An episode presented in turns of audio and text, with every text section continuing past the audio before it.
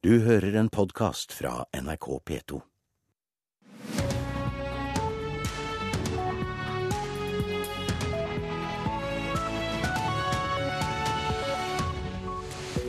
Riktig god morgen og velkommen til Nyhetsmorgen. Her skal vi straks høre at en venn av terrorekteparet i USA vedgår at han planla flere angrep med de to.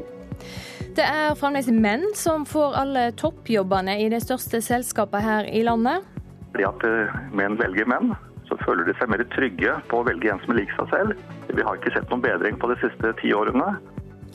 I dag er det semifinale i håndball-VM. Det blir en beinhard kamp mot Romania, tror landslagssjefen. Og Svært mange ber om hjelp fra Frelsesarmeen før jul, men det er ikke lenger poser med matvarer de går ut av døra med. I studio i dag Silje Sande. En tidligere nabo av ekteparet bak masseskytinga i USA vedgår at han planla to andre terroråtak sammen med dem. Mannen er en venn av paret som drap 14 personer i San Bernardino i delstaten California. Sammen med nabomannen planla han å gå til åtak på en høgskole der begge hadde vært studenter, og en motorvei i rushtida. 24 år gamle Enrique Marquez er siktet for å ha gitt ekteparet våpen. Sammen med nabomannen skal han også ha planlagt to terrorangrep. Ifølge planene skulle angrepene skje i 2011 og i 2012, men ingen av terrorangrepene ble gjennomført. Ifølge Los Angeles Times distanserte Marquez seg fra dem før skytemassakren, der ekteparet selv ble drept.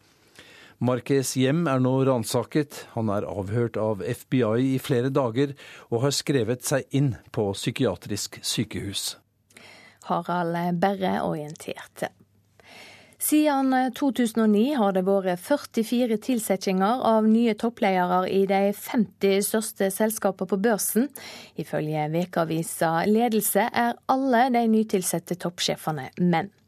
De som vurderer kandidater til lederjobber, favoriserer menn. Det må vi gjøre noe med, sier førsteamanuensis Ole Iversen ved Handelshøgskolen BI.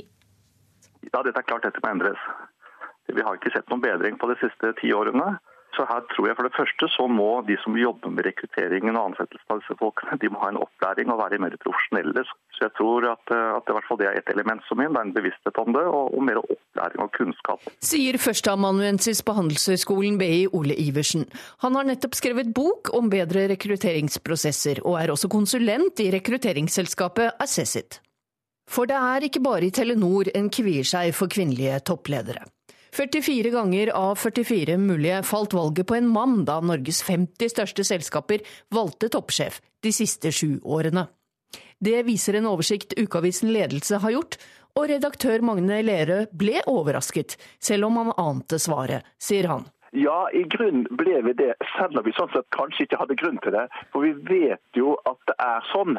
Vi har jo skrevet mange ganger om også nå ble det en mann. Men når vi da teller opp over en såpass lang tidspunkt, så viser det altså at 44 ganger så har man altså valgt en mann og ikke en kvinne. Ingen av de 50 største selskapene på Oslo Børs ledes av en kvinne i dag. Slik var det også i fjor.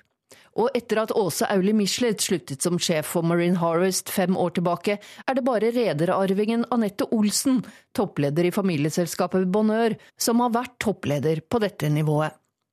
Men det er ikke det at kvinner stoppes av glasstak, mener Ole Iversen ved Handelshøyskolen BI.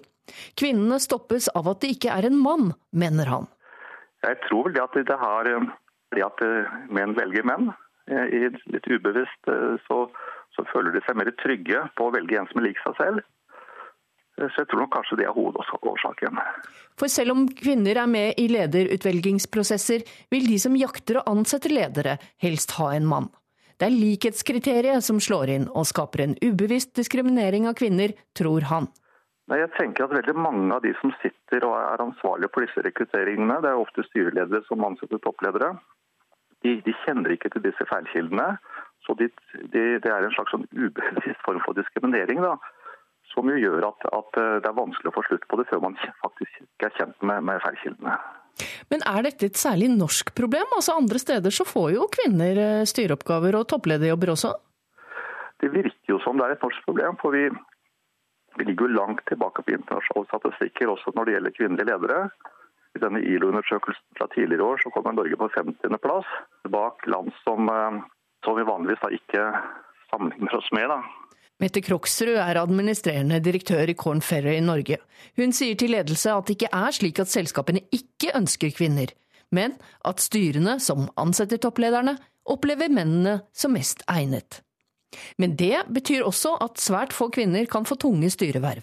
Ja, for man ønsker helst eh, som styreleder i en av de store børsnoterte selskapene at de skal finne en som har hatt skoene på, altså en som har vært toppsjef i et annet børsnotert selskap. Sier redaktør Magne Lerøe i Ukeavisen Ledelse. Det er ofte et sånt kriterium som man legger til grunn når man skal velge styreleder. Så Det er enda lengre vei å gå for å få eh, likhet mellom menn og kvinner når det gjelder styreledere.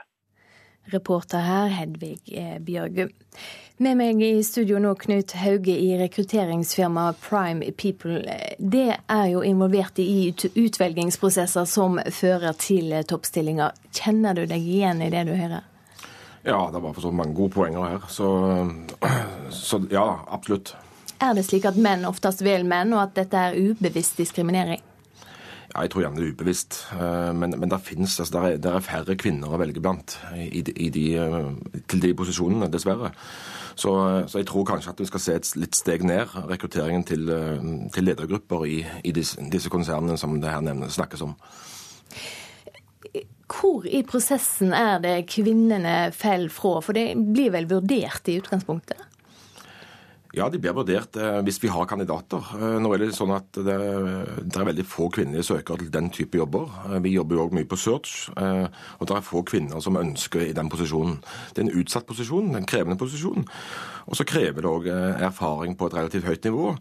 Så at vi velger gjerne blant kandidater som har hatt en tilsvarende rolle før, eller har en tilsvarende rolle nå.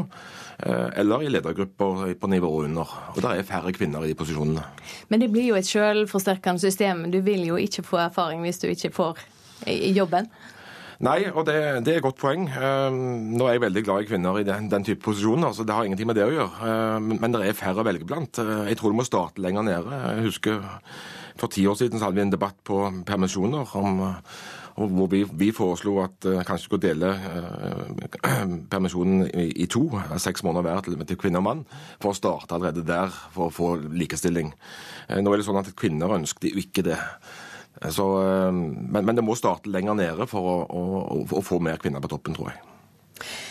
Vi har jo lover som skal sikre kjønnsbalanse i styrerommet. Har det gjort noe, noe med måten å tenke på? Ja, eh, absolutt. Og det er jo ofte styret som, eh, som, ansetter disse posisjonene vi snakker om. Jeg hørte benevnt styreformann, men det er ofte et samlet styre som gjør de prosessene. Og det er klart at Der sitter kvinner i styret, så, så, så er det mer fokus på, på, kvinner. Men som sagt, altså det viktigste er kompetanse, eh, ikke kjønn. Ja. Så det har ikke spesielt fokus på kjønn når det skal velge ut kandidater? Nei, nei. Vi, har, vi, har, vi, har, fokus på kompetanse. Eh, og kompetanse er jo gjennom eh, erfaring og, og tidligere skolegang. Eh, så, så men, men er det gode Hvordan skal de få denne kompetansen, da? Nei, jeg sier det må begynne rekrutteringen litt tidligere. ja. Og så Tradisjonelt så velger kvinner mykere stillinger. Det vil si at stillinger gjerne uten resultatansvar. Så, og, og, da er det HR marketing. Um, disse stillingene som vi snakker om nå, blir gjerne rekruttert gjennom folk som har hatt resultatansvar. Så, så kvinner bør tenke seg om og tørre å ta det steget inn i stillinger som, som har et resultatansvar. Men det handler vel også om at bedriften må legge til rette for at kvinner kan klatre internt og bli, eh, få bedre kompetanse? Det tror jeg absolutt gjør de fleste bedriftene på dette nivået vi snakker om nå. Gutteglubben grei og glasstaket er uttrykk som blir brukt. Eh, er det slik? Ja, det er nok, det er nok litt slik. Eh, men, men, det blir mindre og mindre av det. Ja, Heldigvis. Takk skal du ha for at du kom i studio, Knut eh, Hauge.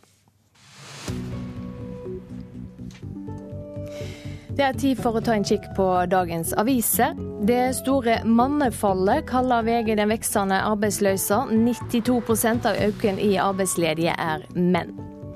I Farsund er det 15 ansatte på et tomt akuttmottak, forteller Fedrelandsvennen. Staten betaler om lag 90 000 kroner i døgnet for mottaket. 17 dager etter åpninga er det ikke kommet en eneste asylmottaker. Terrorgruppa IS er klar til et nytt angrep i Europa, skriver Dagbladet. Ei kjelde avisa har snakka med, hevder at over 200 spesialtrente IS-terrorister står klare til å slå til. PST sier de er kjente med at lignende opplysninger verserer. Barnehagebarn savner voksne, ifølge en ny undersøking. Situasjonen er verre i Oslo enn i resten av landet. Tre av fem synes de voksne som jobber i barnehagen har for dårlig tid, skriver Dagsavisen. Aftenposten har møtt 19 år gamle Fanus fra Eritrea. Hun ble mishandla og stua under dekk på en båt som skulle krysse Middelhavet. Smuglerligaen kan knyttes til Norge, men Kripos etterforsker ikke, skriver avisa.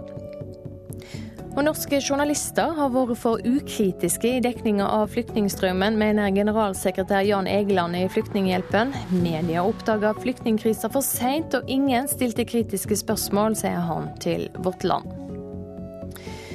Adresseavisen forteller om kritiske tilhøve på en skole i Trondheim. En tillitsvalgt har varsla om vold, seksuell trakassering og sjukmeldte lærere, og ei skoleleding som ikke tar tak i situasjonen. Stavanger Aftenblad skriver at Tina-saka trolig blir lagd vekk. Det finnes ikke biologiske eller tekniske spor i drapssaka etter at 20 år gamle Tina Jørgensen ble funnet død for 15 år siden.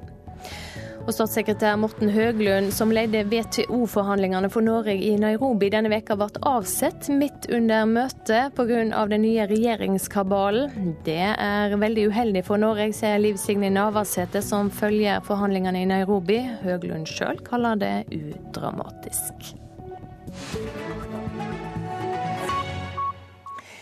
Så skal vi ha sport, og i kveld møter Norge Romania i semifinale i håndball-VM. Det er en kamp det ikke skal takkes lett på.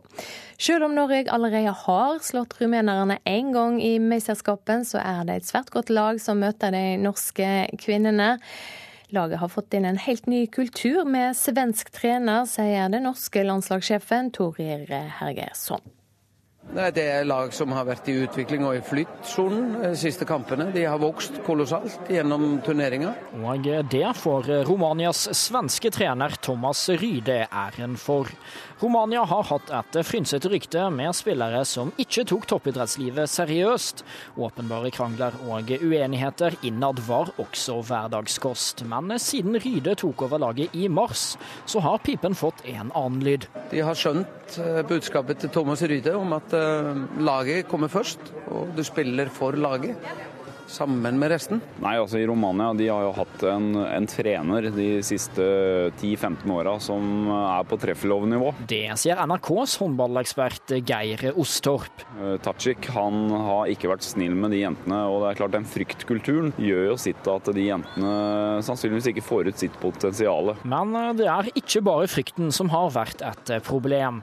Røyking og en usunn livsstil har lenge vært et tema for kveldens semifinalemotstander. Men, eh, men, de har nok fått litt mer skikk og litt mer toppidrettskultur inn, inn, i laget sitt. Altså Det har jo både vært før kamp og i pausen og rett etter kamp at, eh, at jentene måtte ut og ha seg, ha seg en blås eh, for å da føle sjøl at de presterer bedre da. Kulturendringen den gjør at Norge i dag står overfor ei veldig tøff oppgave. Hergersson han spår en vidåpen kamp om finalebilletten. Det er en 50-50-kamp, en beinhard kamp. Så vi skal se hva vi kan ta med oss fra kampen vi spilte mot dem sist, og så må vi jo se hva de har gjort i de to siste. For det har vært riktig bra. Og kampen kan du få med deg på NRK P1 i kveld. Reporter Henrik Agledal. Du hører på Nyhetsmorgen i NRK P2 og Alltid nyheter. Klokka er 6.47. Private organisasjoner og selskap må være med i kampen mot terrororganisasjonen IS. Det sier FNs generalsekretær Ban Ki-moon. De siste sju åra er bare menn ansatte som toppledere i de 50 største selskapene på børsen. Og en tidligere nabo av ekteparet som sto bak masseskytinga i USA, vedgår at han planla to andre terroråtak sammen med de to. Det var eh, helt fullt da Frelsesarmeen i Drammen hadde si årlige utdeling av julehjelp denne veka. Minst 450 eh, familier måtte få hjelp. I år var det slutt på de tradisjonelle matposene. 54. Det er helt fullt i forsamlingssalen til Frelsesarmeen i Drammen. Trengende familier og enkeltpersoner sitter i kø med en kaffekopp foran seg for å få utdelt årets bidrag til julematen. Gavekort på Kiwi i år. Det ligger i konvolutten. Og så går du inn i peisestua der vi pleier å være. Og så viser du frem det nummeret, så får du gaver til barna. Oh, så flott! Så suverent, altså. Takknemligheten over å få tiltrengt hjelp til jul er stor. Og i år er det gavekort og ikke matposer som deles ut, forteller major Ruth Bente Paulsen, som er leder for omsorgssenteret i Frelsesarmeen. Til, til, de som er én og to, så er det 500. Og så er det opp til syv og noen 900. Og da går de i butikken og kjøper maten ja, selv? Da. da går de i butikken selv og kjøper mat, ja. Ruth, hva slags mennesker er det som kommer? Det er veldig mange forskjellige mennesker. Du ser, hvis du bare ser ut bordene her. Det er eh, etnisk norske. Det er eh, utlendinger. Det er uh, enslige forsørgere med barn. Så det er alle typer mennesker. Hun er en av mange som sitter og venter med en lapp i hånda. Hun er alenemor til to og går på arbeidsavklaringspenger. Hvilket nummer har du? 71. 71, ja. Hva er det du trenger? Alt som er av julemiddag. mm. Hva jeg har? Uh, ingenting. Nei, var ikke det.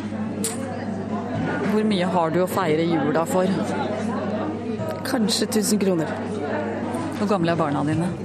13 og 15. Mm, de gleder seg til jul, de òg, som alle andre. De gjør det. Det er hele mammaen som sitter og gruer seg hvert år. Kjenner omgivelsene til at du har det på den måten, eller? Nei, for det er ikke noe man snakker om. Det er det ikke. Så det er ingen som veit at du er her i dag? Nei. Og det bare fortsetter å strømme inn døra hos Frelsesarmeen. Og her har nissen vært med alle disse posene. Major Ruth viser fram de nummererte posene med leker til barna. Her er det da Lego Creador. Creator. Det er 8 til 12 år. Og så er det et eh, spill som heter Headbands. Parfyme? Parfyme for gutt, da. Ja. Med byttelapp og greier. Ja. Dette, alt har jo folk gitt oss. Her. Ragnhild Stivi er frivillig og en av dem som deler ut gavekortene til jul.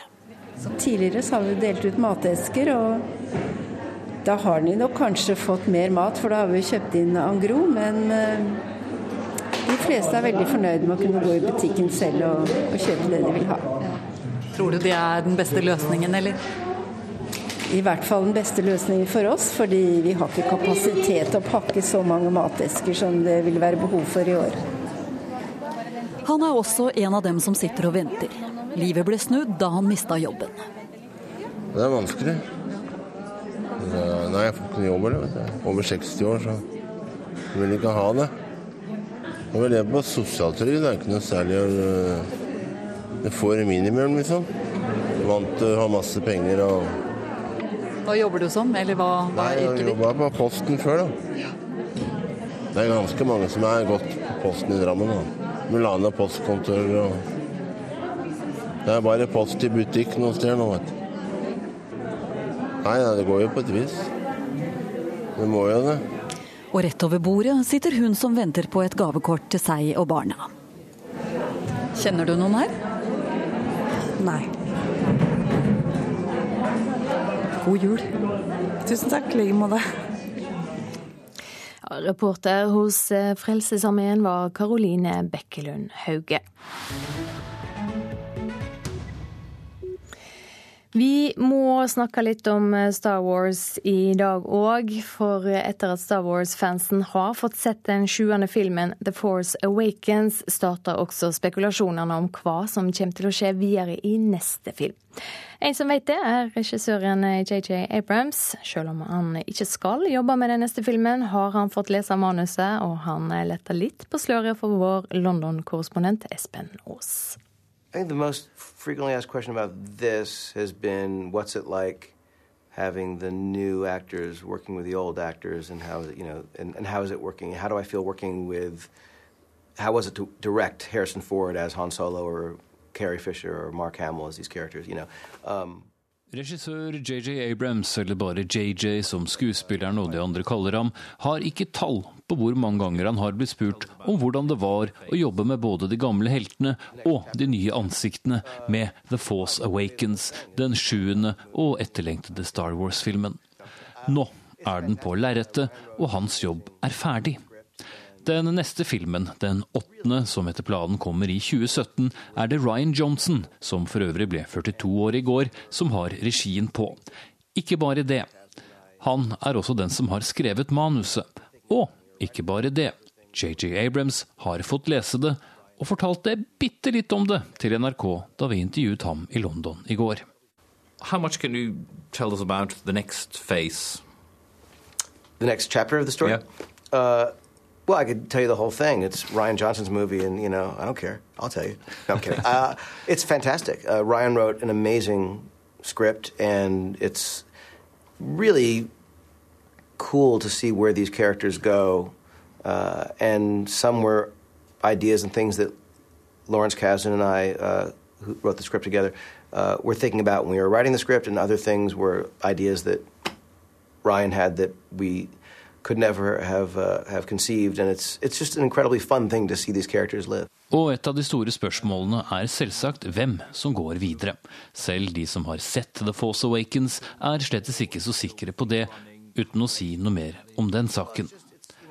Arbeidet med filmen har vært intenst, og når vi spør Abrams om han føler seg ferdig, om det er bortklippede scener han helst ville hatt med osv., vel, så er han mest opptatt av bare å være ferdig. It's you know it's just coming out uh, now, and so my fingers remain crossed that uh, it goes well, that people like it. But uh, after these few years of working on the movie, I finally feel like we are, uh, you know, we're, we're finished, and that is a, a a very gratifying feeling. Nå venter andre jobber og oppgaver på ham, mens altså en rekke nye og gamle rollefigurer forhåpentligvis blir med et stykke til. Det som trolig blir den minste kinosalen i landet, kommer i Tromsø. En aviskiosk skal gjøres om til kinosal med plass til to publikummere. Der hvor du står, skal prosjektene Eller der hvor du står, så skal benkene være. Der hvor de to, to personene skal sitte. Og så har du vinduet vindu bak her hvor det blir lerret. Og så blir det prosjektør der inne en plass.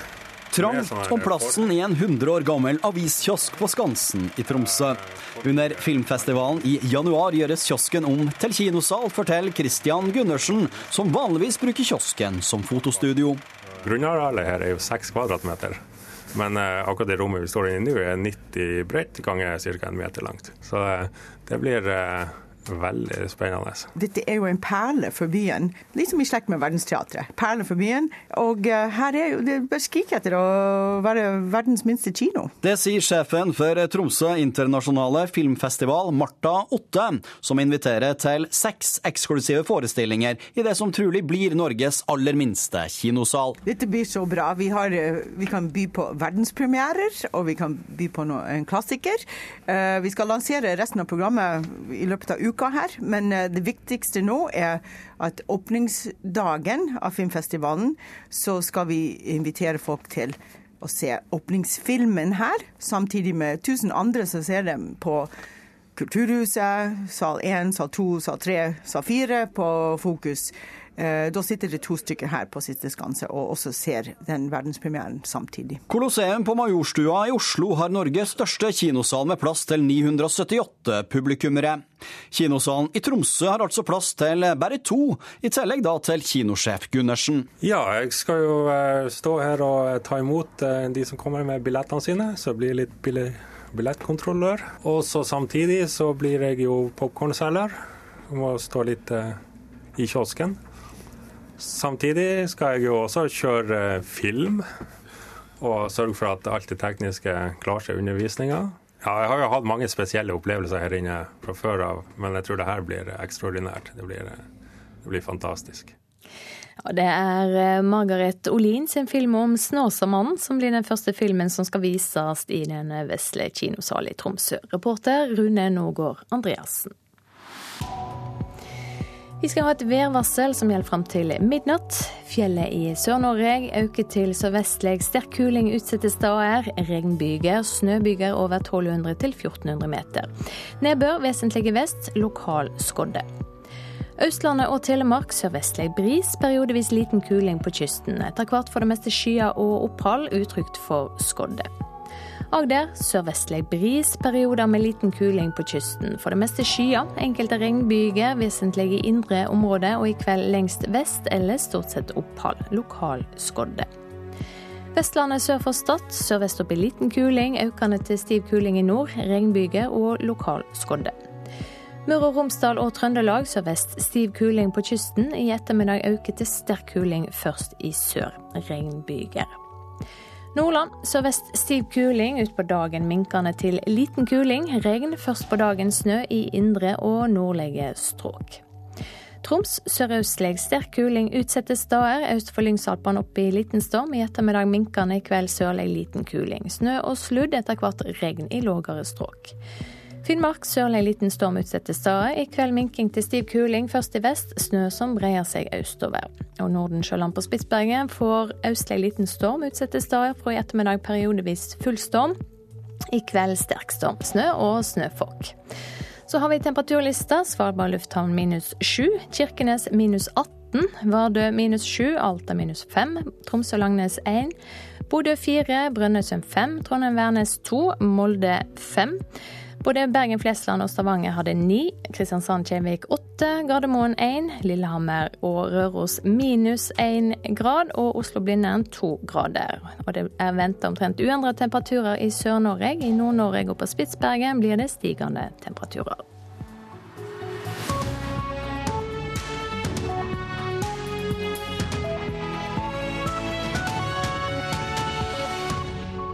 Du hører en podkast fra NRK P2. Og her i Nyhetsmorgen skal vi høre at eh, langt flere enn før blir avslørte med falske norske pass. Det er ikke helsvart i oljeindustrien, ifølge bransjefolk. Og Tryggingsrådet i FN vil kriminalisere all finansiering av terrororganisasjonen IS.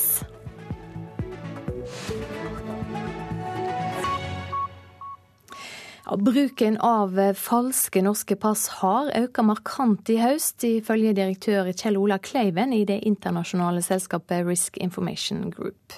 Også ekte pass blir misbrukte. Bakgrunnen for øken er asyl- og flyktningkrisa, sier Kleiven. Det har vært en markant økning som følge av asylkrisen og den økte bevegelsen av mennesker rundt i Europa. Så er det også en markant økning i andelen falske, også falske norske. Høy troverdighet gjør norske pass populære, sier han. Fordi at vi er et land som oppleves som veldig ryddig, lav korrupsjonsgrad, og oppleves som et land der, der vi har en høy troverdighet. Italiensk politi har pågrepet to syriske menn som forsøkte å reise til Malta med falske pass, og ett av de falske passene var norsk. Italienske medier Meldingen kom i Dagsnytt i november. I går ble han med det falske norske passet dømt til halvannet års fengsel. Men risikoen for å bli tatt er ikke særlig stor, ifølge Kleiven. Innad i Europa er du først innenfor, så er risikoen liten. Minimal, egentlig. Risk Information Group er et internasjonalt selskap og jobber med å avsløre falske dokumenter. De sjekker tusenvis av ID-papirer over hele verden hver uke. Og de oppdager altså flere falske norske pass. Kleiven vil ikke oppgi noen tall, men forklarer at falske pass og andre dokumenter er lett å skaffe. Altså, Du får kjøpt alt på internett. Fra norske førerkort. Du får til og med kjøpt norsk nasjonalt ID-kort, selv om ikke det er lansert av staten ennå. Og norske pass. Eh, norske diplomatpass får du også kjøpt. Og det er ikke bare for å passere grenser at falske pass tas i bruk. Vi har eksempler der folk har operert med 11-12 ulike identiteter bare i Norge for å heve Nav-penger. Ved Nasjonalt ID-senter er de eksperter på å avsløre falske pass. Ja, Det vi ser her er at uh, dette er et pass som ble tatt i Tyrkia. Hele passet er falskt, og vi kan se det ganske lett ved hjelp av UV-lys. Gøran Sandanger viser oss også et ekte pass som er forfalsket. Her kan vi se rester av det gamle passet, den gamle personaliasiden under her. Men de har lagt noe oppå personaliasiden for å lage en ny identitet. I år har det europeiske grensekontrollbyrået Frontex avslørt 43 tilfeller av misbruk av norske pass i Europa. Men det kan være bare toppen av et isfjell. Vi tror nok at det er en god del dokumenter som ikke blir avslørt. Sier seniorrådgiver Mats Odnes Jensen i Nasjonalt ID-senter. Vi vet jo at 35 000 norske pass forsvinner eller blir meldt tapt hvert eh, år de siste tre årene. Og vi vet også at 500 norske pass forsvinner i postgangen hvert år. Reportere Katrin Hellesnes og Ida Derosa. Med meg i studio nå kollega Mohammed Alayobi, fotograf og journalist i NRK. Du har jobba mye med menneskesmugling og flyktninger som kommer fra Midtøsten til Europa. Og du har sjøl også forsøkt å kjøpe et norsk pass fra en menneskesmugler. Hvordan gikk det? Eh, det gikk jo veldig fint. Det tok oss eh, under en halvtime å få tak i et telefonnummer og ringe til. Det var ikke noe problem. Eh, de kunne selge det norske passet for 220 euro. Og det er jo en pass som ikke er forfalska. De kunne gjøre hele jobben og får oss til Norge for 4000 euro. Så det var et ekte pass? Det var et ekte norsk pass. Vi sendte et ville. Vi kunne ha dratt og sett det sjøl. Uh, og det er jo slik at uh, først får du et tilbud om et norsk pass, og så kan du be om å få et bilde, og så kan du dra og møte smugleren, og så ser han på deg om det passer, faktisk passer deg, om det ser like ut det bildet som er i passet. Hvis ikke, så ordner de bildet, og så informasjonen som den personen som ønsker å kjøpe passet, kan ha i selve passet. Hvem er det som kjøper norske pass? Ja, alle som har lyst til å krysse til Europa. Foreløpig er det norske passet veldig populært. Eh, og det er jo slik at det er mange forskjellige smuglermiljøer som har mange forskjellige typer pass. F.eks. en gruppe sudanister de er spesialister på pass fra Italia, fordi det er mange folk fra Afrika som bor i Italia, og bildene på passet trengs ikke gjøre så mye med, så er det lettere å grensen fra Hellas til Italia. Og da er det en gruppe spesialister, mens andre er veldig flinke på svensk pass. Eh, de er eh, lett å forfalske, og hvis de ikke klarer å forfalske seg sjøl, så sender de til eh, utlandet, f.eks. Indonesia og andre land, der teknologien har kommet mye lenger. Og Da kan de sende på bestilling, og så får du tilbake til Hellas, og så selger videre til en person eller de som har mest penger. Så dette er hel, eh, et helt maskineri? Eh, absolutt. Så det er, eh, det er veldig overraskende hvor, hvor, lett det er å få tak i vestlig pass generelt. På enkelte steder så vet vi om smuglere som har flere hundre pass. Du kan gå inn i en butikk og plukke et pass som passer deg og din familie, gjerne, hvis, lyst, hvis det er flere. Og da kan du si ja, jeg vil ha det passet, har et annet bilde som passer til lille gutten eller uh, kona. Og da kan du få ja, her i eske nummer tre ligger flere pass fra Sverige uh, eller Norge, og så kan du få disse passene um, levert. Og hvis ikke de bildene passer helt, så kan de lage en hel side som de limer over de, den gamle siden. Og så, og så, er de såpass eh, flinke, og så har de så mye moderne teknologi, eh, og så vet hva eh, norske eller europeiske grensekontroll er ute etter.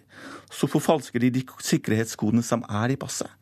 Men mange passerer, men, og en del blir tatt. Kort til slutt, Hvordan blir det jobba for å hindre at attraktive pass som det norske blir forfalska? Foreløpig så er det veldig vanskelig å, å, stoppe dette her. Det, det, må gjøres mye eh, større innsats. Her snakker vi om folk som er veldig intelligente. Det er veldig mye penger, vi snakker om millioner. Eh, det er enda farligere at folk også i Norge Det finnes mange grupper, eh, veldig farlige grupper, som jobber med dette her. De har penger, de har ressurser. De sender pass til Europa og henter opp folk og, og opererer fritt i Europa foreløpig. Det problemet mener jeg hadde ikke tatt uh, nok på alvor, uh, og, og det må trå til for å stoppe dette her. Så det trengs større innsats. Absolutt. Takk skal du ha for at du kom i studio, Mohammed Alayobi. Tryggingsrådet i FN vedtok i går kveld en resolusjon som forplikter medlemslandene til å kriminalisere alle former for finansiering av terrorvirksomhet knytta til IS og Al Qaida. Alle medlemslandene i FN må avgi rapport om egne tiltak innen fire måneder. Og det er spesielt viktig å hindre at IS tjener penger på salg av olje, heter det i vedtaket. The draft resolution received 15 votes in favor. Resolusjonen som tar sikte på å ramme finansieringen av terrorvirksomheten til IS og Al Qaida, ble vedtatt enstemmig i FNs sikkerhetsråd i går. Det er første gang i historien at medlemslandenes finansministre møter i Sikkerhetsrådet, og resolusjonen var ført i pennen av USA og Russland i fellesskap. Den bygger på tidligere resolusjoner, men skjerper kravet til at alle land skal ha lover som gjør det straffbart å bidra til terrorfinansiering, også om den ikke kan knyttes til planer om konkrete aksjoner. Omsetningen av olje fra IS-kontrollerte områder skal f.eks. straffes av terrorlovgivning. FNs generalsekretær Ban Ki-moon appellerte også til private organisasjoner. We should work more closely with private and charitable sectors vi må jobbe tettere med private og veldedige sektorer for å identifisere mistenkelige transaksjoner og utarbeide regler som kan blokkere terrorfinansieringen, sa Ban Ki-moon. Med millioner av flyktninger fra Syria og Irak på plass i Europa, er det sannsynlig at institusjoner involvert i pengeoverføringer tilbake til hjemlandene vil bli tett fulgt i månedene og årene som kommer. Samtidig advarte FNs generalsekretær mot stigmatisering. Let us also take special measures to ensure that we do not harm migrants La oss treffe tiltak for å sikre at vi ikke skader innvandrerne og flyktningene og deres samfunn, sa Ban Ki-moon. Resolusjonen er tilpasset den nye virkeligheten med IS som større trussel enn Al Qaida. Den britiske avisa Financial Times har gransket finansene til terrororganisasjonen, og skrev onsdag at om lag halvparten av en årlig inntekt på rundt 900 millioner dollar, eller rundt 7,7 milliarder kroner, kommer fra salg av olje, mens resten stammer fra skattlegging, plyndring og konfiskering av eiendom. Store deler av inntektene blir brukt i områdene IS kontrollerer. De er det vanskelig å gjøre noe med, og det begrenser effekten av gårsdagens FN-resolusjon. I dag møttes utenriksministrene fra medlemslandene i FNs sikkerhetsråd for å diskutere en mulig våpenhvile og mulige fredsforhandlinger mellom Assad-regimet og opposisjonen, minus IS og noen til. Representanter for den syriske opposisjonen er også til stede i New York. Groholm, Washington. Og Dagbladet skriver i dag at IS er klare til et nytt angrep i Europa. Ei kjelde avisa har snakka med, hevder at over 200 spesialtrente IS-terrorister står klare til å slå til. PST sier de er kjente med at det verserer lignende opplysninger. Alt er ikke helsvart i oljeindustrien, ifølge bransjefolk. Flere plattformer skal vedlikeholdes det kommende året, og planer skal leveres. I dag leverer Statoil en eh, ny plan for utbygging og drift av Osebergfeltet i Nordsjøen, verdt flere milliarder kroner. Dette som er her borte, det er testcontainer som vi bruker når vi sender offshore. Konsernsjef Ståle Kyllingstad i oljeserviceselskapet IKM guider oss rundt i et av lagrene på Sola. Her ser det så fullt ut, skal jeg si det, for det er dårlig aktivitet i bransjen. Han er ikke i tvil om at oljeindustrien sliter for tida. Men oljegründeren ser likevel ikke helt mørkt på året som kommer. Jeg er faktisk litt betinget optimist. Vi har vanskelige tider ennå, og jeg tror første kvartal vil bli veldig tungt. Men det skal være så mange plattformer som stenges ned for omfattende vedlikehold. Og det begynner allerede i andre kvartal i 2016, så dermed er jeg faktisk betinget optimist. Kyllingstad er rimelig sikker på at det vil bli levert tre planer for utbygging og drift, såkalte PUD-er, i nær framtid. Det vil si planer oljeselskapene må sende inn til Olje- og energidepartementet for å få lov til å bygge ut olje- og gassfelt i Nordsjøen. Jeg har grunn til å tro at det vil komme antageligvis tre pudder før neste sommer. I dag vil Statoil levere plan for utbygging og drift for en ubemanna brønnhodeplattform på Osebergfeltet, har NRK fått bekrefta. Overrekkelsen vil markeres med pressen til stede i Olje- og energidepartementets kontorer. Kontraktene som er knytta til prosjektet vil bli delt ut i nær nær framtid og er verdt flere milliarder kroner. Oljeanalytiker Tore Gulbrandsøy hos Rusta Energy mener i likhet med Kyllingstad at det vil bli levert inn flere utbyggingsplaner før sommeren. Ja, jeg tror, sånn som vi ser, så, så ser vi muligens fire, fire, fire nye PUD-er neste år. Dette vil, dette vil, typisk være med mindre utbygginger. Eh, det kan for så vidt også være et litt større prosjekt eh, relatert til en av de eksisterende feltene. Det sa oljeanalytiker Tore Gulbrandsøy til reporter Rolf Kristian Toppdal. Du hører på Nyhetsmorgen, klokka er 7.15. Det er registrert klart flere falske norske pass i omløp i Europa de siste månedene. De siste sju åra er bare menn tilsatte som toppledere i de 50 største selskapene på børsen. Det har aldri vært så mange mennesker på flukt i verden som i 2015. Det slår FN fast i en ny rapport.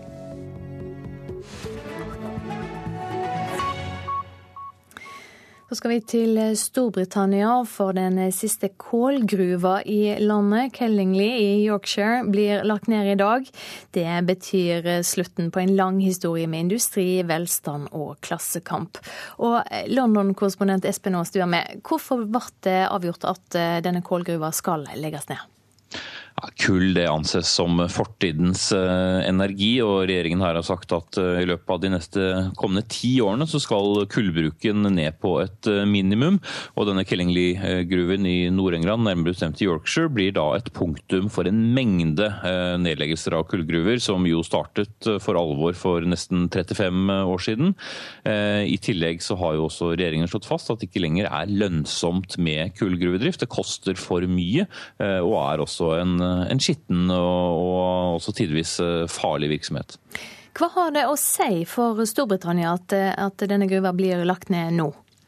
For landet som sådan så er jo dette mest en symbolsak, fordi kullindustrien har vært en veldig viktig industri og, og var hjørnestensbedrift i veldig mange deler av landet. Særlig for 100 år siden så var det over en million mennesker som var ansatt i kullindustrien. Og så har det jo gått nedover. Men det det kommer til å bety aller mest, eller der det kommer til å bety aller mest snarere, er jo lokalt, fordi det går mange arbeidsplasser. 450 mennesker har vært ansatt ved denne gruven. Nå får de noen uker med etterlønn, etter da å ha arbeidet 800 meter under bakken, denne dype Kellingli-gruven gjennom mange år. Ja, fortell oss litt, hvordan har kålgruvene prega historien i Storbritannia? Det er jo på særlig to måter. Det ene er jo som jeg nevnte, dette med at det har vært hjørnestensbedrifter. Viktige, essensielle arbeidsplasser i, i mange byer, særlig i, i Nord-England og i Wales. Men det har også vært ansett som en politisk faktor opp gjennom årene. De mektige, de mektige fagforeningene innenfor kullgruvearbeiderne likte etter hvert å utøve politisk makt, særlig ved å streike. Og dette nådde jo en høyde da på 80-tallet, tidlig 80-tall, da Margaret Thatcher var den konservative statsministeren her, mens det var en gruvearbeider som het Arthur Scargill. De røk fullstendig i tottene på hverandre, og Storbritannia opplevde kanskje sin aller råeste og mest voldelige streik, hvor politi og gruvearbeidere røk i tottene på hverandre til stadighet. Men eh, samtidig så var det en mengde familier som sultet fordi far i huset som var gruvearbeider eh, streiket. Og til slutt så måtte gruvearbeiderne gi tapt, og gruvene ble stengt ned for eh, alvor. Og nå forsvinner altså den aller siste. Ja, Det er jo på mange måter en, en slags merkedag. Hva reaksjoner har, har det ført til i Storbritannia? Det er jo som jeg sier, først og fremst symbolt, symbol, en symbolsak. Lokalt er det jo sterke reaksjoner, fordi at slike nedleggelser får mange ringvirkninger. Jeg var selv og besøkte en by som heter Barnsley, som også ligger i Yorkshire for litt over et år siden. Og Folk jeg snakket med der, fortalte at idet kullgruven ble lagt ned, så fikk dette ringvirkninger nesten for alle. Selv bussjåføren merket at folk var blitt arbeidsledige fordi de tok bussen sjeldnere, og det ble færre færre ruter. Melkemannen leverte mindre melkeflasker osv. Så, videre. så det er jo en påminnelse igjen om hvordan dette har preget så mange lokalsamfunn. Samtidig så har jo regjeringen sagt på sin side at vi kan jo ikke drive og holde liv i en virksomhet som over tid skal vekk, som både er veldig forurensende og ikke spesielt levedyktig. Selv om Storbritannia jo også har importert mye kullkraft opp gjennom årene. Takk skal du ha for at du var med, London-korrespondent Espen Aas. Det har eh, aldri vært så mange mennesker på flukt i verden som i 2015. Det anslår FN i en ny rapport. Fra januar til juni i år var over 20 millioner mennesker på flukt fra heimlandet sitt. Og det er eh, første gang siden 1992 at eh, dette tallet er så høyt. Høykommissæren sier at det aldri tidligere har vært et større behov for solidaritet med mennesker som har mista alt. God morgen, seniorrådgiver Pål Nesse i Flyktninghjelpen. God morgen. Hvor ekstraordinær er flyktningsituasjonen i verden i dag?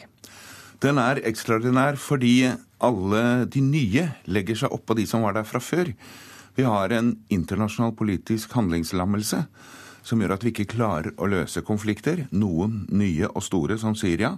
Andre gamle og uløste som ligger der. Så de kommer og legger seg til uten at andre finner en løsning. Hvordan lever det alle disse mennesker som er på flukt? Det er veldig forskjellig. Mange er i flyktningleirer, men det vanlige er egentlig å være i en by i et annet land, eller å være på vandring, eh, sånn som vi har sett f.eks. hit til Europa i løpet av det siste året. Hva gjør det med folk å reise fra alt og begi seg ut på noe en ikke vet hva er? Det er veldig dramatisk, for akkurat som du sier, så er det felles for alle flyktninger at du har mistet alt du eier, stort sett. Kanskje du har med deg noen få eiendeler bare. Så har du mistet hus, du har mistet eh, jobb eller studieplass, skoleplass. Og så vet du ikke hva morgendagen bringer. Og det er kanskje det vanskeligste, denne usikkerheten. Ja, Får de hjelp til å håndtere disse psykiske tinga også, i tillegg til eh, ja, det praktiske? De får noe hjelp, og FNs høykommissær for flyktninger gjør sitt. Organisasjoner som Flyktninghjelpen, hvor jeg jobber, vi gjør vårt. Men det er for lite, og det er for lite midler til disposisjon. Og det store nye de siste årene er jo Syria-situasjonen, hvor FNs appell for det vi kaller minimumsløsningene for nødhjelp, er finansiert nå når vi nærmer oss jul, med under 50% for dette året. Så det betyr at det er veldig mange som ikke får skolegang, det er veldig mange som ikke får helsetilbud osv. Og at de heller ikke da får muligheten til å jobbe mange steder og klare å forsørge seg selv. Og da kommer dette på toppen av denne traumatiske opplevelsen, og det gjør det selvfølgelig tøft for mange. Du sier årsaker til at tallet er så høyt nå er at nye kriser har lagt seg opp på gamle. Hvordan ser det ut videre framover? Er det grunn til å tro at det kommer til å bli enda flere, eller? Eh? Ja, så lenge vi ikke klarer å løse verken de gamle eller de nye konfliktene, så vil det komme flere til. Og da vil også komme flere til oss. Dette er jo et utslag av det som skjer ute i verden. Så akkurat nå ser situasjonen dyster ut for verdens flyktninger.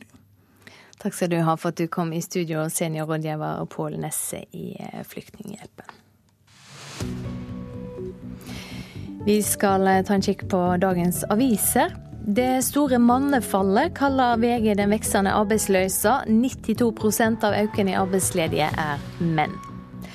Barnehagebarn savner voksne, ifølge en ny undersøking. Situasjonen er verre i Oslo enn i resten av landet. Tre av fem synes de voksne i barnehagen har for dårlig tid, skriver Dagsavisen. I Farsund jobber 15 ansatte på et tomt akuttmottak, forteller Fedrelandsvennen. Staten betaler om lag 90 000 kroner i døgnet for mottaket. 17 dager etter åpninga er det ikke kommet en eneste asylsøker. Aftenposten har møtt 19 år gamle Fanus fra Eritrea. Hun ble mishandla og stua under dekk på en båt som skulle krysse Middelhavet. 366 mennesker mista livet samme natt. Smuglerligaen kan knyttes til Norge, men Kripos etterforsker ikke, skriver avisa. Norske journalister har vært for ukritiske i dekninga av flyktningstrømmen, mener generalsekretær Jan Egeland i Flyktninghjelpen. Media oppdaga flyktningkrisa for seint, og ingen stilte kritiske spørsmål, sier han til Vårt Land. Adresseavisen forteller om kritiske tilhøve på en skole i Trondheim. En tillitsvalgt har varsla om vold og seksuell trakassering og sjukmeldte lærere, og ei skoleleding som ikke tar tak i situasjonen. Stavanger Aftenblad skriver at Tina-saka trolig blir lagd vekk. Det finnes korkje biologiske eller tekniske spor i drapssaka etter at 20 år gamle Tina Jørgensen ble funnet død for 15 år siden. Senja-fiskere er villige til å gi Per Sandberg en sjanse. De sier til Nordlys at han ikke kan bli verre enn den ministeren de har hatt. Og Jon Fredriksen overlater mer til døtrene, forteller Dagens Næringsliv. Cecilie og Katrine Astrup Fredriksen får ansvaret for å forvalte 17,5 milliarder kroner.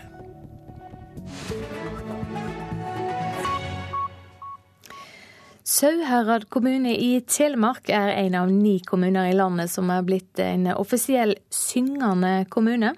Det er Kulturdepartementet som har satt i gang krafttak for sang, og som har peka ut Sauherad. Eh, målet er å få sanggleda tilbake i hverdagslivet. Eg helsar deg, mi breie bygd, du ligg der full av fred og trygd, du er så ljos og åpen. Det klinger godt i ørene når Jorid Vale stemmer i. Nå skal hele Sauherad stemme i, for kommunen har blitt en offisiell syngekommune. Jeg tror at det er veldig godt for folk å synge, uansett um, når i livet, og uansett åssen sangstemme de har. Der borte i den fagre grend, den gamle kvite kyrkja stend, der fikk jeg barnedåpen. Da Jorid Vale trappet opp på kommunehuset tidligere i år og sa at hun syntes kommunen skulle bli en syngende kommune, så de litt rar på henne med en gang. Det var jo et eh, prosjekt som eh, departementet sendte ut, Kulturdepartementet, der alle kommuner i Norge fikk sjanse til å søke og bli en syngende kommune i prosjektet Krafttak for sang. Men det er klart det er alltid sånn med alle prosjekter at eh, en kommune må også spa opp egne midler om du får litt stimulering sentralt fra. Og Sauherad har utfordringer med økonomien, så jeg kunne jo skjønne at liksom skal vi drive med enda mer. Men eh, jeg fikk lov å legge, skrive en søknad på vegne av kommunen, og, den, og det var så seint som like før sommerferien. Så nå i sommer fikk vi da tilslag, at Sauherad ble valgt ut som én av ni kommuner i Norge det var visst over 40 som hadde søkt. Og fra før så var det fem kommuner med i et sånt prøveprosjekt. Der Vinje kommune i Telemark hadde vært med i det. Og Sauherad er nå den andre kommunen i Telemark som får lov å være med. Der ute Nordsjø blank og blå, ho glitrar visst i solskinn nå, og syng så stilt mot stranda.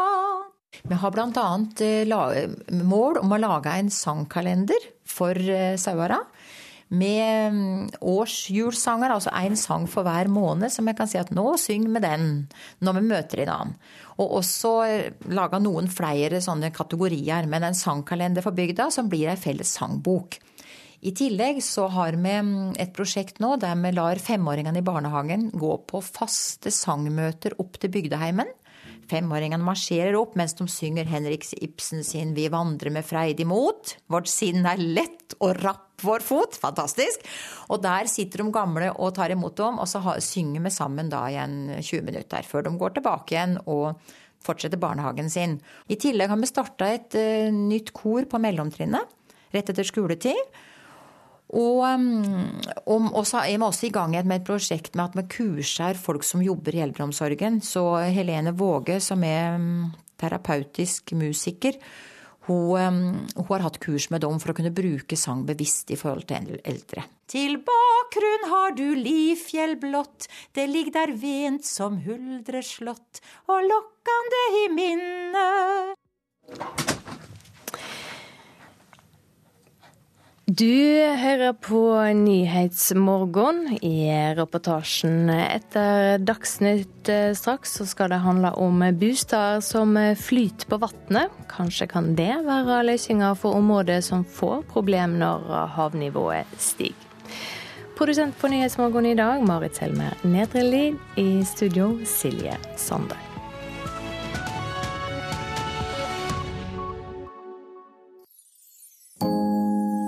Jeg heter Hilde Hagerup. I mitt Jul i P2 skal jeg snakke om det å lese og det å skrive, og om verden.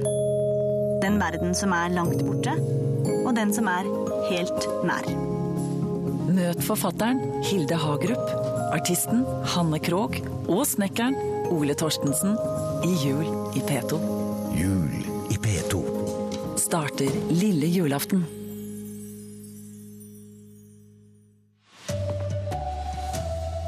Det har aldri vært så mange mennesker på flukt i verden som i 2015, anslår FN i en ny rapport. Det er flere falske norske pass i omløp i Europa. Og det at menn velger menn til toppstillinger, må vi få gjort noe med, mener forsker. Her er NRK Dagsnytt klokka 7.30 ved Kari Ørstavik. 2015 er et rekordår når det gjelder antall flyktninger som rømmer fra landet sitt, ifølge en ny rapport fra FNs høykommissær for flyktninger. Det har også vært en dramatisk økning i antall mennesker som er på flukt i eget land.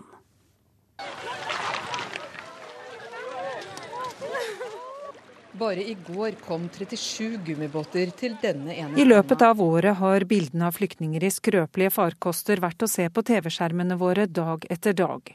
Hauger med redningsvester forlatt på strendene, og folk på vandring gjennom Europa. For allerede her begynner vandringen. Det er en varm og lang tur, spesielt for korte ben. Nesten en million mennesker har krysset Middelhavet dette året. Og med de få dagene som er igjen av 2015, ser det ut til at året kommer til å overgå andre man har oversikt over hva gjelder folkevandringer eller tvungen forflytning, skriver UNHCR i rapporten. Et nøyere tall over hvor mange det er som har flyktet fra landet sitt, kommer ikke organisasjonen til å ha før i midten av neste år, men det anslås at man da vil se at rundt 60 millioner mennesker er på flukt. Det vil i så fall bety at per 122 mennesker her på jorda er det én person som har flyktet fra hjemmet sitt. Krigen i Syria er den viktigste årsaken til at folk legger ut på slike reiser. Men også uten den ville antall mennesker som forlater landet sitt vært høyt, heter det i rapporten. Tyrkia er det landet i verden med flest flyktninger nå, og Tyskland det landet som har registrert flest asylsøkere. Det sa reporter Marit Kolberg. Seniorrådgiver Pål Nesse i Flyktninghjelpen. Hvor ekstraordinær er denne situasjonen nå? Den er ekstraordinær fordi vi stadig får nye flyktninger, og fordi vi ikke tar av i den andre enden. Vi finner ikke løsninger politisk for dem som har vært på flukt i mange år allerede. Så det hoper seg opp. Hvordan lever disse menneskene som er på flukt? Jeg regner med det er litt ulikt, men det er store variasjoner. Mange lever i byer, eh, en god del lever i flyktningleirer. Og så har vi mange på vandring, slik som vi har sett i Europa det siste året. Og som ofte da havner mellom flere stoler, f.eks. når land stenger grensene sine. Som vi også har gjort nylig. Hvis du tenker tilbake på det året som er gått, hvilke menneskeskjebner eh, har rørt deg mest? Det rører deg alltid å møte dem som har mistet alt. Den som har mistet huset sitt, jobben sin, det meste av det de eier, og kanskje noen i familien. Men også da de som tross det har et pågangsmot, som kommer seg videre, som ønsker å skape seg en ny hverdag der de er. Og hvor det er så viktig for oss andre å ta godt vare på det pågangsmotet. Også for dem som kommer hjem til oss, så de ikke vil bli sittende og glo i veggen på et mottak i år etter år. Hvilke muligheter ser du for disse flyktningene framover? Vi er helt nødt til å finne politiske løsninger på den største krisen nå, Syriakrisen. Før det blir fred, så vil dette problemet bare fortsette å øke. Og så har vi andre land hvor det har murret lenge, hvor det kan gå opp og ned, som Somalia, Afghanistan, Irak. Og så har vi de gamle konfliktene, ikke minst f.eks. Palestina-konflikten, hvor de verken har kunnet reise hjem eller har fått fulle rettigheter i en del naboland, som gjør at disse tallene bygger seg opp over tid. Takk skal du ha, Pål Nesse. Bruken av falske norske pass har økt markant i høst, ifølge direktør Kjell Ola Kleiven i det internasjonale selskapet Risk Information Group. Også ekte pass blir misbrukt. Bakgrunnen for økningen er asyl- og flyktningkrisa, sier han. Det har vært en markant økning som følge av asylkrisen og den økte bevegelsen av mennesker rundt i Europa. Så er det også en markant økning i andelen falske, også falske norske. Høy troverdighet gjør norske pass populære, sier han. Fordi at vi er et land som oppleves som veldig ryddig, lav korrupsjonsgrad, og oppleves som et land der, der vi har en høy troverdighet. Italiensk politi har pågrepet to syriske menn som forsøkte å reise til Malta med falske pass, og ett av de falske passene var norsk. Italienske med. I går ble den ene av dem dømt til halvannet års fengsel for bruken av falsk norsk pass. Men risikoen for å bli tatt i Europa er ikke så stor, ifølge Kleiven. Og falske pass og andre dokumenter er lett å skaffe seg. Altså, du får kjøpt alt på internett. Fra norske førerkort. Du får til og med kjøpt norsk nasjonalt ID-kort, selv om ikke det er lansert av staten ennå. Og norske pass. Eh, norske diplomatpass får du også kjøpt. Også ekte pass blir misbrukt ute i Europa. Hittil i år har grensekontrollbyrået Frontex avslørt 43 tilfeller. Men det kan være bare toppen av et isfjell.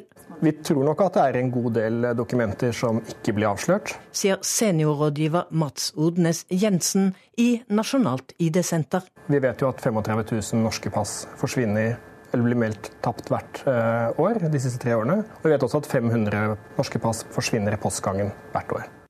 Reportere her var Katrin Hellesnes og Ida de Rosa.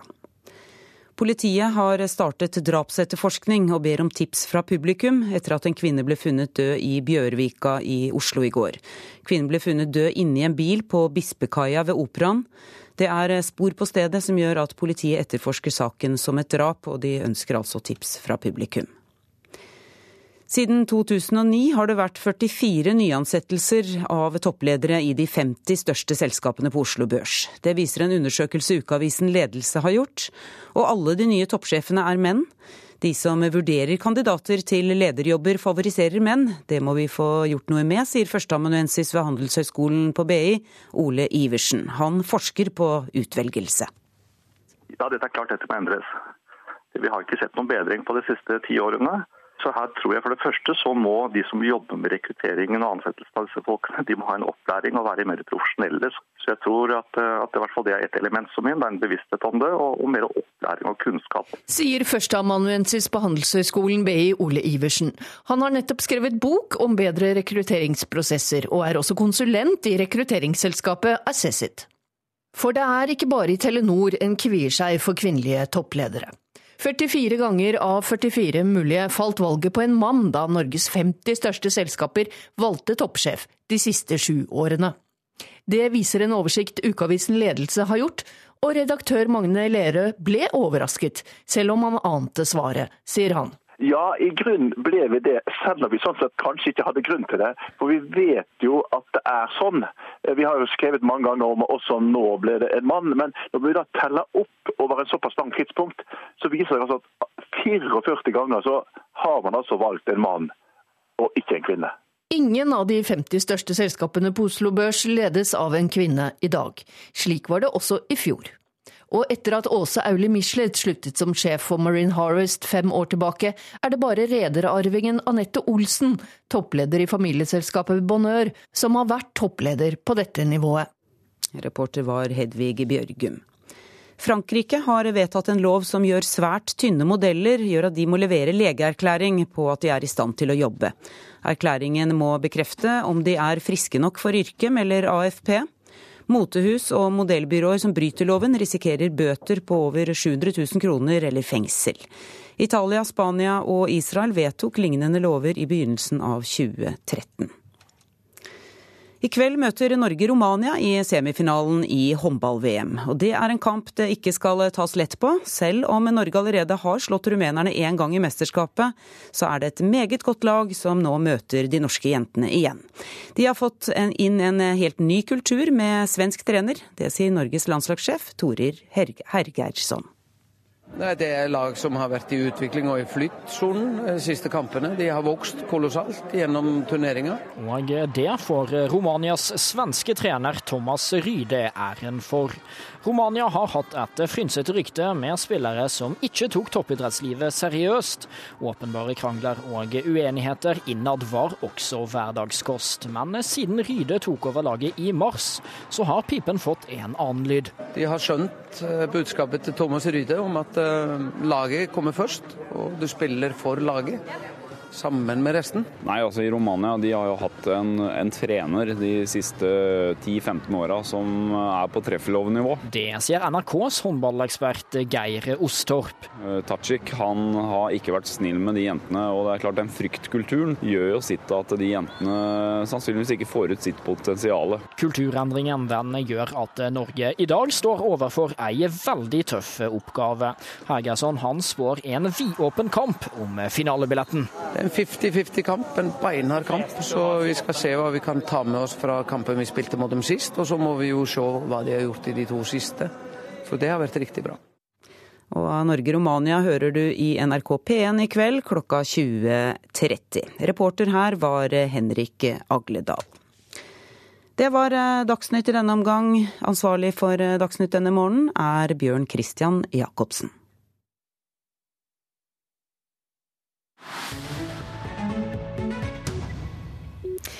I Amsterdam er det rift om å skaffe seg bosteder som flyter på kanalene. Nederland er preget av plassmangel, og mange mener det er en mer miljøvennlig måte å bo på. Nå ønsker arkitekter å eksportere ideen til byer som Venezia, Miami og New York. De mener klimaendringer som gjør at havnivået stiger, vil tvinge flere land til å legge til rette for flytende hus. Vinden tar tak i mastene på seilbåtene som ligger til kai.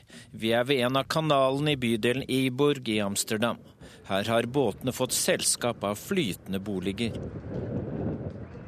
En av huseierne er Jon von Arnheim. Han er henrykt. Etter at vi fikk hus som flyter på kanalen, er det som om vi er konstant på ferie, sier han. Uh, het riet heeft altijd een andere kleur en uh, ja, het is gewoon eigenlijk altijd vakantie hier. I denne bydelen i storbyen Amsterdam er den største samlingen av flytende boliger i Nederland. Her er det 100 boligenheter. Husene er bygget på moderne vis og ligner funkisboliger. De er på tre etasjer, har terrasse på alle plan, inkludert på det flate hustaket. Boligene har forskjellig design, men alle har store vinduer som gir en formidabel utsikt. Flere har seilbåter og yachter som nærmeste nabo. Det er en herlig følelse å bo på denne måten, fortsetter den stolte huseieren Jon von Arnheim. Op het water wonen is, dat is, eh, ja, is eigenlijk heel bijzonder, want uh, het is uh, altijd anders. Want omdat we echt op het water wonen en drijven op het water, voel je ook de wind. Hè? Vi lever tett på elementene. Vi får et helt spesielt lys i rommene våre idet skyene tetter seg til og det brygger opp til storm. Det føles godt å høre regnet tromme på hustaket. Von Arnheim framhever det å leve tett på naturen. I et flytende kontorlokal i den gamle havna nord i Amsterdam er skribent og arkitekt Natasha Drabbe. Hun mener de flytende boligene bør bli en modell for hvordan folk andre steder kan bosette seg. Hun minner om at i mange byer som ligger nær vann, er det plassproblemer. Dus ik zie het meer als een hybride, dat je uh, aan twee kanten die stad, uh, aan de ene kant die steden die bedreigd worden zoals Venetië, Miami, New York. De flytende boligene er hybrider som kan settes opp i byer som Venezia, Miami og New York, sier arkitekturskribenten til nyhetsbyrået Ap mee kunnen stijgen en dalen. Utenfor kontoret hennes høres vinden. I Nederland er det blitt en trend å skaffe seg bolig på vannet. Mange mener det er en mer miljøvennlig måte å leve på. I boligen brukes energi både fra vann og sol, og tanken på at huset kan flyttes og at naturen og vannet vil være der for alltid, appellerer til mange. Det er som at vi låner området fra naturen for en periode, sier arkitekt Cohen Olthuis. Lene ruimte van de natuur voor een bepaalde periode. Arkitekt Olthuis mener at klimaendringene som fører til et høyere havnivå, kan gi oss en impuls til å satse mer på flytende boliger. Dat juist die klimaatverandering een, een impuls geeft om nog betere steden te creëren. Groener en, eh, en, en beter. Arkitekten i Amsterdam ser for seg en framtid der ikke bare boliger bygges som flytende enheter. Han viser til at nederlendere har bygget et flytende hotell på Maldivene. I Nederland er det prekær mangel på områder til husbygging. Vi må ikke se på vannet som en trussel, sier arkitekt Olthuis. Vannet gir oss flotte muligheter når vi utnytter det på kreativt vis. Det sier han som i Nederland er kjent som pioneren når det gjelder flytende boliger. Zie water niet alleen als een probleem, zie het niet als, als een bedreiging, maar zie het als, als een mogelijkheid. Ja, denne reportasjen var laga av Dag Bredvei. Det har eh, aldri vært så mange mennesker på flukt i verden som i 2015. Det skriver FN i en ny rapport.